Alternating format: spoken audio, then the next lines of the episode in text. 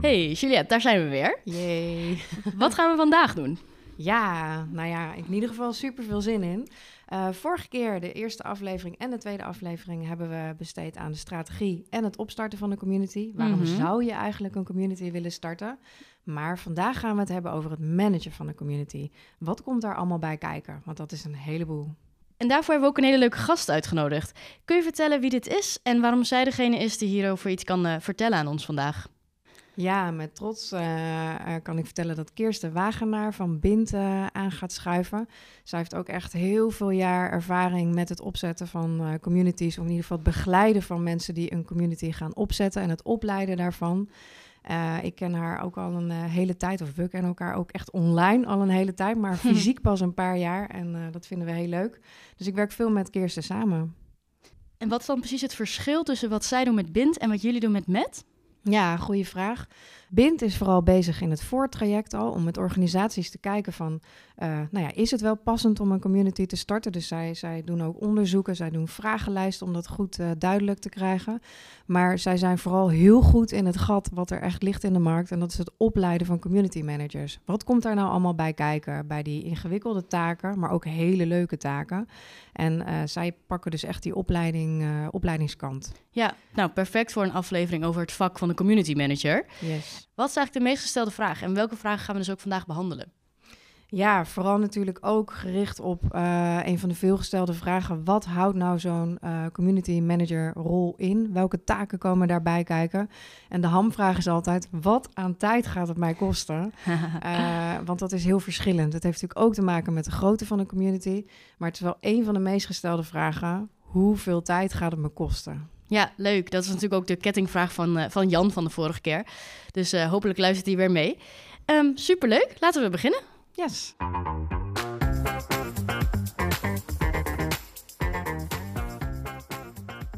Eerste, superleuk dat je er bent. Kun jij iets vertellen over wat eh Bint doet? Want daar werk jij. Ja, nou, superleuk om er te zijn. BIND is een gespecialiseerd adviesbureau dat organisaties, eh, hele diverse organisaties, ondersteunt bij het identificeren, het samenbrengen en ook het beheren van hun communities. En eh, voor heel veel organisaties die nog aan het eh, zoeken zijn naar wat nou eigenlijk een community is en of het bij hun past, doen we ook veel inspiratiesessies en eh, ja, komen we langs om het een en ander uit te leggen. Ik weet ook dat jullie als Bint eh, ook in het gat, noem ik altijd, in de markt zijn gesprongen als het gaat om het opleiden van eh, community managers. Je bent dat gewoon niet zomaar. Klopt. Eh, daar ja. komt veel bij kijken. Kun je daar iets over zeggen? Ik denk zowel Peter als ik, hè, Peter Staal, de andere oprichter van, van Bind, wij zijn alle twee geen ge- getrainde community managers. Althans, dat waren we niet. Hè. Ik ben afgestudeerd in psychologie en Peter in biologie, in notabene. Eh, en wij hebben het dus gewoon geleerd eh, eh, aan de hand van het te doen. Eh, en dus wij begrijpen alle twee hoe lastig het soms is om ja, al je bronnen maar bij elkaar te, ehm, hè, te verzamelen en, en die, met de juiste mensen in gesprek te komen om te kijken van ja, doe ik het wel goed? Dus vandaar dat ik eigenlijk al in 2012 ben begonnen met het geven van trainingen. Vaak zijn dat tweedaagse trainingen met, met veel opdrachten. Ehm, en vanuit BIND geven we het, eh, ja, ook diverse trainingen, ook eendaagse trainingen. En waar we heel trots op zijn, is een samenwerking met de Radboud Universiteit. eh, waar we ook eh, samen met een aantal hoogleraren, community managers, toch op een ander niveau van bewustzijn krijgen van wat zo'n community betekent voor een organisatieverandering omdat daar, daar zit eigenlijk ja, het grote, de grote uitdagingen. Een community eh, maken door een vrijwilliger is één ding. Maar inderdaad, om dan eh, ook zo'n organisatie mee te krijgen. En ja, dan helpt het enorm om te begrijpen hoe zo'n organisatie werkt. En waarom zo'n organisatie op die manier gestructureerd is. Ja, dat is ook eh, een mooie brug eh, met wat je net zei naar wat het vak als community manager nou precies inhoudt. Ja, dat is, het is natuurlijk de vraag der vragen. Wat is een community manager? Een community manager voor, voor mij, voor ons, is eh, de persoon die de community, en dan heb ik het gewoon over de gemeenschap van mensen, die dus met elkaar meerdere dingen delen, vaak ook een doel, intrinsieke drijfveren. Ehm, dat kan zijn een frustratie of een blijdschap of iets waar ze naartoe werken. Die mensen hebben sowieso al iets met elkaar. Dus dat is denk ik een belangrijk uitgangspunt. En de community manager is dan degene die deze mensen uh, faciliteert. Uh, door dat wat ze sowieso al met elkaar willen. Soms weten ze dat bewust, soms onbewust. De community manager is degene die dat sowieso voor iedereen bewust maakt. En die heel helder maakt van dit is volgens mij waar jullie heen willen. Dit is wat ik zie, wat ik hoor. En ik ga jullie hierin faciliteren. Op welke manier, manier dat dan ook nodig is. En uh, heb jij dan ook een voorbeeld van een aantal van die taken die daar dan bij zouden komen kijken als je community manager wordt? Wat, wat ga je dan precies doen? Nou, wat je heel veel community managers hoort zeggen, en dan heb ik het ook heel erg over de community managers die niet per se met een digitaal platform werken, is uh, het verbinden van mensen. Dus je hoort overal signalen. En uh, dan begrijp je als community manager ook, zie je een rode draad en dan breng je mensen samen. En dan probeer je uh, in het gesprek voor die mensen samen te vatten: oké, ik hoor dat jullie daarheen willen, of ik hoor dat jullie hier behoefte aan hebben. En vervolgens hang je daar acties aan. Dus we zouden met elkaar dat kunnen doen, of we kunnen met elkaar dat creëren. Dus uh, ik denk de basis is heel erg het verbinden, signalen ophalen, verbinden van mensen. In de praktijk, op zo'n uh, digitaal platform, komt dat natuurlijk uit in uh, gesprekken met elkaar voeren, um, verhalen ophalen, um, co-creëren van projecten. dus dat is heel erg binnen de community. En dan vervolgens zie je dat zo'n community natuurlijk wordt ingezet door een organisatie. Dus heb je ook nog taken aan, aan de kant van de organisatie betrekken en de brug vormen tussen die community en organisatie. Dus daar zit veel uh, mensen meenemen, inspireren, um, ze plaatjes schetsen van hoe professionals binnen die community actief kunnen zijn. Um, maar ook inderdaad het gesprek voeren met beslissers van hoe zorgen we ervoor dat er tijd en ruimte komt in de organisatie om die community goed te integreren.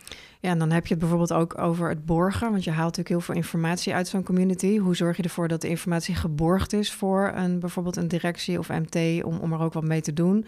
En uh, hoe zorg je ervoor dat het ook structureel, uh, nou ja, aangenomen wordt door iedereen? Is dat iets wat jij ook herkent, dat dat vaak nou ja, ook wel lastig is om die beide dingen te kunnen doen. Dus en die rol als community manager te hebben, maar ook die vertaalslag steeds te maken naar uh, de organisatie, wat daarvan nodig is. Ja, dat is het aller, aller, allerlastigste. Uh, en het zit hem op meerdere vlakken. Ik denk het start met de verwachting van een organisatie dat de community bij een afdeling hoort, zoals communicatie of marketing of HR of noem het op. Uh, en daar wordt vervolgens een professional bij gezocht en een functieprofiel. Dus het hele idee dat die professional ook goed moet zijn in het betrekken, het overtuigen, het inspireren van de organisatie, dat wordt totaal vergeten. Dus vaak de persoon die wordt aangetrokken is daarvan niet op de hoogte, laat staan uh, dat hij de vaardigheden in huis heeft om dat te kunnen. Mm. Dus dat is de eerste uitdaging. De tweede uitdaging is natuurlijk dat uh, deze professional zijn handen al vol heeft aan de community zelf en alles wat daarbij komt kijken.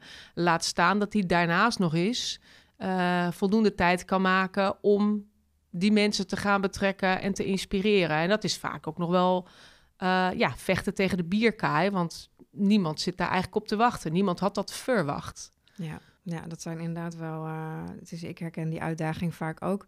Als je dan kijkt naar die rol van die community manager, wat was het allerbelangrijkste wat je in ieder geval in huis ook misschien wel moet hebben om het te kunnen? Ja, dat is ook een vraag die heel vaak gesteld wordt. En ik zeg dan, ja, het helpt enorm als je empathisch vermogen hebt. Nou, dan zeggen ook heel veel andere mensen die dat natuurlijk minder in huis hebben. Nou, dat valt wel mee. Dus uh, maar het, het, kijk, eh, ik ben natuurlijk uh, sinds nou, 2005 al community manager op verschillende platformen en verschillende communities. En ik merk gewoon dat ik, uh, omdat ik wat empathisch ben aangelegd, dat het, dat het voor mij makkelijk is om te identificeren wat mensen nodig hebben. Um, niet altijd zeggen mensen dat. Dus dat is vaak ook latent aanwezig. Dus ik denk dat dat een belangrijke vaardigheid is om aan te voelen wat mensen willen of aan te voelen dat er iets zit wat nog niet naar boven is gekomen. En hè, dus daarin doorvragen. En dat geldt zowel voor organisatiezijde als voor de community. En ik denk een, een tweede belangrijke, wat ook vaak uh, een, een, beetje makkelijk over wordt gedaan. Kijk, community management is ook gewoon structureel een aanpak uh, ontwikkelen en die gewoon doorvoeren. Uh, dus dat is eigenlijk heel blauw, om het even zo te zeggen. Dus aan de ene kant zeg ik, ja, je moet empathisch zijn. Dus heel groen, een mensenmens, aanvoelen en geel en hè, visie hebben. En aan de andere kant moet je eigenlijk bijna een soort militaire operatie kunnen leiden. Puntjes op de i. Puntjes op de i, een soort projectmanager. Alle collega's uh, op één lijn hebben en zorgen dat er gewoon dagelijks dingen gebeuren. Ja. Uh, en, en dan gewoon evalueren elk kwartaal van wat levert dat op. En heel veel community managers hebben dat ook niet altijd per se in huis. Ja, we hebben ook vanuit, uh, voor, eigenlijk voor deze podcast een uitvraag gedaan onder de beheerders van Met-platformen. Waar lopen ze nou tegenaan? Wat, wat willen ze, waar zouden ze nou echt meer over willen weten? En een van de dingen was, hoe ga ik om met tijd, tijdsdruk? Hoeveel tijd besteed ik? En nou ja, dan hoe activeer ik het dan? Dat was ook de kettingvraag die Jan uh, stelde vanuit de vorige podcast. Jan de Boer, die bezig is met platform uitkomstgerichte zorg. Hoeveel tijd ben je nou kwijt aan community management? Uh, zou jij daar iets over kunnen zeggen? Nou, de, de vraag, het feit dat een professional zich moet afvragen hoeveel tijd ga ik eraan besteden, is natuurlijk al een rode vlag. Ja. Want eigenlijk zou er vanuit de organisatie al een plan moeten zijn. Dit zijn de doelen waar, naar, waar we naar streven. Dat betekent dat deze taken uitgevoerd moeten worden. Dus het is logisch dat dit het aantal uur is dat jij moet besteden. Dus aan de ene kant is het natuurlijk, um, betekent het vrijheid dat een professional dat zelf kan bedenken. Aan de andere kant zorgt het dus voor verwarring. En wordt, komt het dus vaak onder druk te staan, omdat er heel veel andere dingen wel uitgeschreven zijn en geaccordeerd. Dus ja, ja. dat. En dan krijg je natuurlijk de vraag: oké, okay, Kirsten, maar jij hebt heel veel communities gezien. Wat is dan de benchmark? Mm -hmm. Nou, dat is heel lastig te zeggen, want die communities zijn enorm verschillend. Dus die gaan van communities van 300.000 leden in een commerciële setting naar communities van 50 leden in een non-profit setting. Ja. Um, dus eigenlijk kan ik daar geen uitspraak over doen. Wat we wel zeggen is dat eigenlijk voor elke community geldt, hoe meer tijd je erin kan steken, hoe groter de kans op succes. Ja. Dus ja. ja, je kan het inderdaad in vier of acht uur doen. En ik zeg ook niet dat het dan geen succes zal worden. Alleen zal je er dan wel langer over doen. En zal het dus langer duren voordat het gaat lopen. Ja. En vooral in de begintijd is dat natuurlijk een uitdaging, want dan wil je snel resultaten laten zien. En die heb je ook nodig als community manager. Nou, Jans vraag is volgens mij echt uh, top beantwoord uh, hierbij. Uh, die heeft vast meer richting gekregen. jij hebt vast ook een kettingvraag voor de volgende podcast, waarin Teunie en Yvonne iets komen vertellen over hun platform. Wat zou jij van hun willen weten? Zij zijn community managers allebei wat ik hun zou willen vragen is, uh, nou, ik, vertelde al net even dat de rol van community manager best wel een uitdagende kan zijn. Ik ben heel benieuwd hoe, hoe zij hem oppakken, maar vooral ook hoe, uh, hoe ze hun uitdagingen tegemoet gaan en uh, ja, hoe ze zich daarbij voelen. Dus, dus hoe houden ze hun energieniveau hoog, hoe houden ze hun motivatie hoog. Um, daar ben ik erg benieuwd naar. Ja, we gaan het nu hebben uh, over het ambassadeurschap. Iets wat natuurlijk uh, heel belangrijk is. Uh, wil je een community goed kunnen draaien en activeren? Je wil namelijk niet alleen zo'n community manager. Je, je, hebt wel één iemand nodig, of misschien wel twee, om het echt te beheren. Maar ambassadeurs zijn echt keyword. Kun jij daar iets over zeggen? Want ik weet dat Bint daar ook heel veel belang en waarde aan hecht. Ja, nou wat ik al zei, kijk, uh, community management is uh, faciliteren van een groep mensen die sowieso al iets met elkaar willen. En dat is denk ik een heel belangrijk uh, uitgangspunt. Ik zie heel veel organisaties die een community bedenken achter hun PC. En dan vervolgens dat kosten wat kost, willen dat opbouwen. En dan lukt het de community manager niet om die community te activeren. Dus wij beginnen altijd eerst met een onderzoek naar: is er al behoefte aan die community? En in, tijdens dat onderzoek komen ambassadeurs naar boven. Mensen die dus al een tijdje lang die behoefte hebben, die dat al hebben aangegeven, die daar ideeën bij hebben en die daar dus zich voor willen inzetten. Dus dat zijn die ambassadeurs. Ja, En ja, dan popt er bij mij natuurlijk gelijk een vraag op. Ehm, aan hoeveel ambassadeurs denk je dan minimaal? Wat heb je nodig? Wij zeggen uh, als een soort uh, uitgangspunt zeg maar, om te gebruiken... is dat er minimaal 10 tot 15 ambassadeurs uit het eerste onderzoek moeten komen... Uh, voor ons om duidelijk te weten: oké, hier zit voldoende vruchtbare grond, zoals ik het altijd zeg, om een community verderop te activeren, te faciliteren. Ja, en dan daarbij ook de vraag die, uh, die je ook vaak hoort vanuit die ambassadeurs die potentieel uh, willen bijdragen. Hoeveel tijd kost het nou voor zo'n ambassadeur om een bijdrage te hebben? Wat, wat, waar denk je dan aan? Ja, de hele grap is dat als als je echt vanuit het onderzoek je ambassadeurs hebt geïdentificeerd die daar sowieso al behoefte aan hebben, die dat leuk vinden, die daar tijd voor willen maken en die daar ook een rol voor zichzelf zien, dan horen wij eigenlijk nooit van dit soort type mensen hoeveel tijd gaat het me kosten. De mensen die dat wel vragen, zijn voor ons geen authentieke ambassadeurs.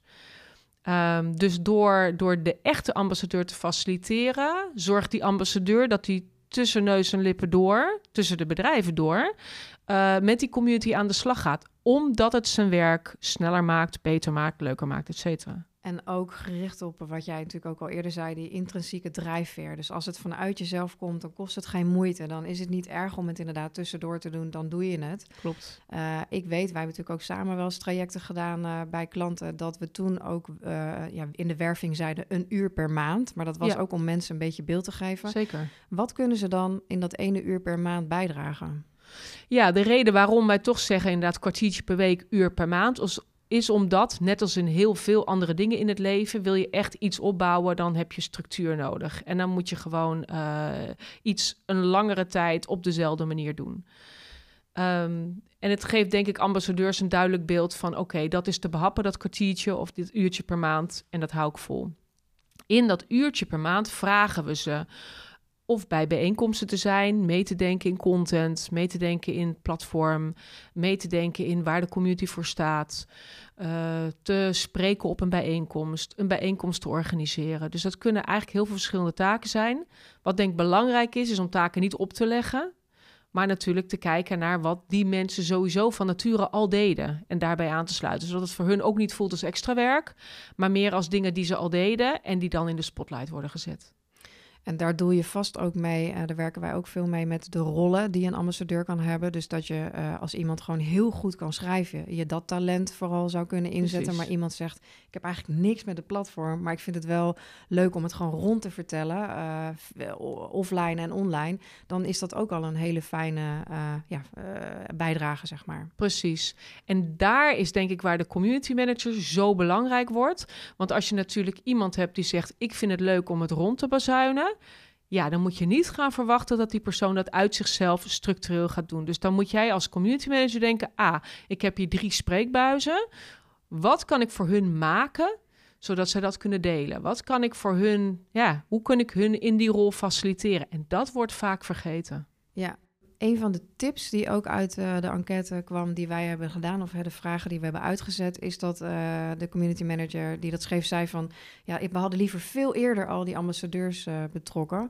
Dus al voor, voor überhaupt livegang, gewoon voordat je start met het platform.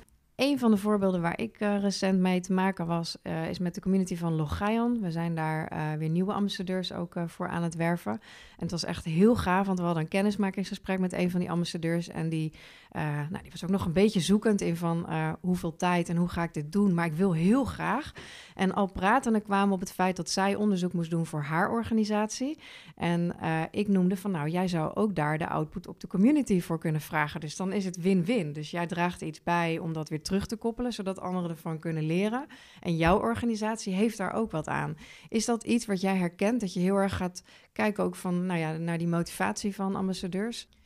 Ja, nou, dat, dat is inderdaad een hele belangrijke, die intrinsieke drijfveren en, en what's in it for them. Want ja, iedereen, dat is zo mooi in communities, we, iedereen zit er vanuit een persoonlijk belang, alleen ze zijn uh, bereid om het persoonlijk belang tijdelijk aan de kant te zetten voor het gemeenschappelijk belang. En dat maakt eigenlijk die community, anders is het een netwerk, zeg ik altijd. Dus het, het is inderdaad uh, zoeken naar als die ambassadeurs eenmaal naar voren zijn gestapt, wat vaak in ons onderzoek wel gebeurt, omdat we er echt expliciet naar vragen, dan gaan we inderdaad kijken van wat is je motivatie en hoe kunnen we je jou daarin faciliteren.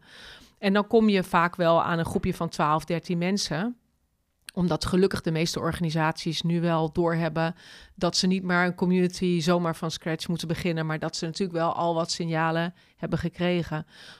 Belangrijk nog wel om te vermelden is dat er vaak heel veel moeite wordt gedaan om, uh, om ambassadeurs in het begin te werven en te identificeren en te faciliteren.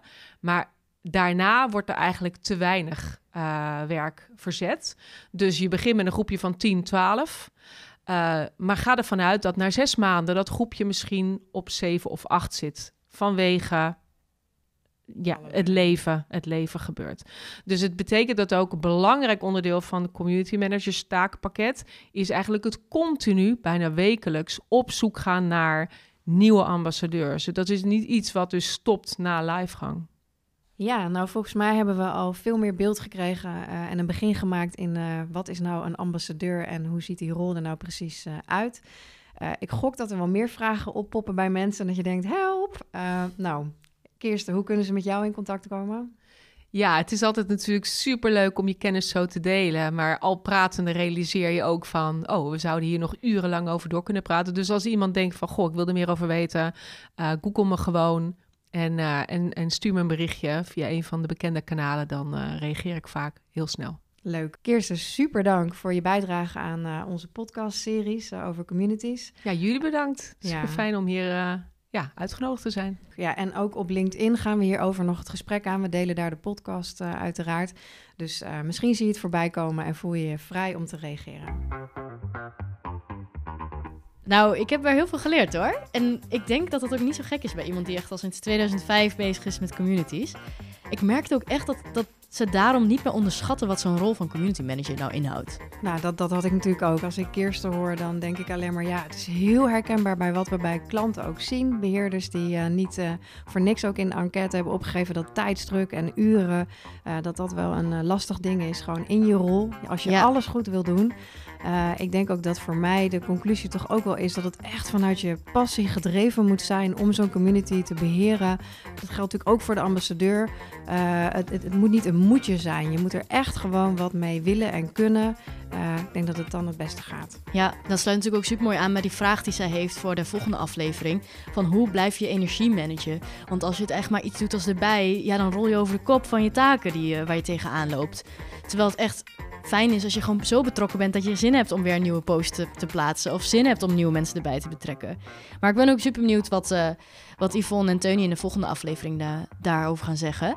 Daar gaan we, als het goed is, in gesprek over hoe je het echt succesvol kan houden, toch? Zeker succesvol kan houden. Maar ook denk ik wel dat we goed gaan inzoomen op nou ja, wat doen zij ervoor uh, als ze misschien tegen dingen aanlopen. Dus succesvol ja. houden, maar ook wel de struggelingen die je ja. gewoon kan hebben.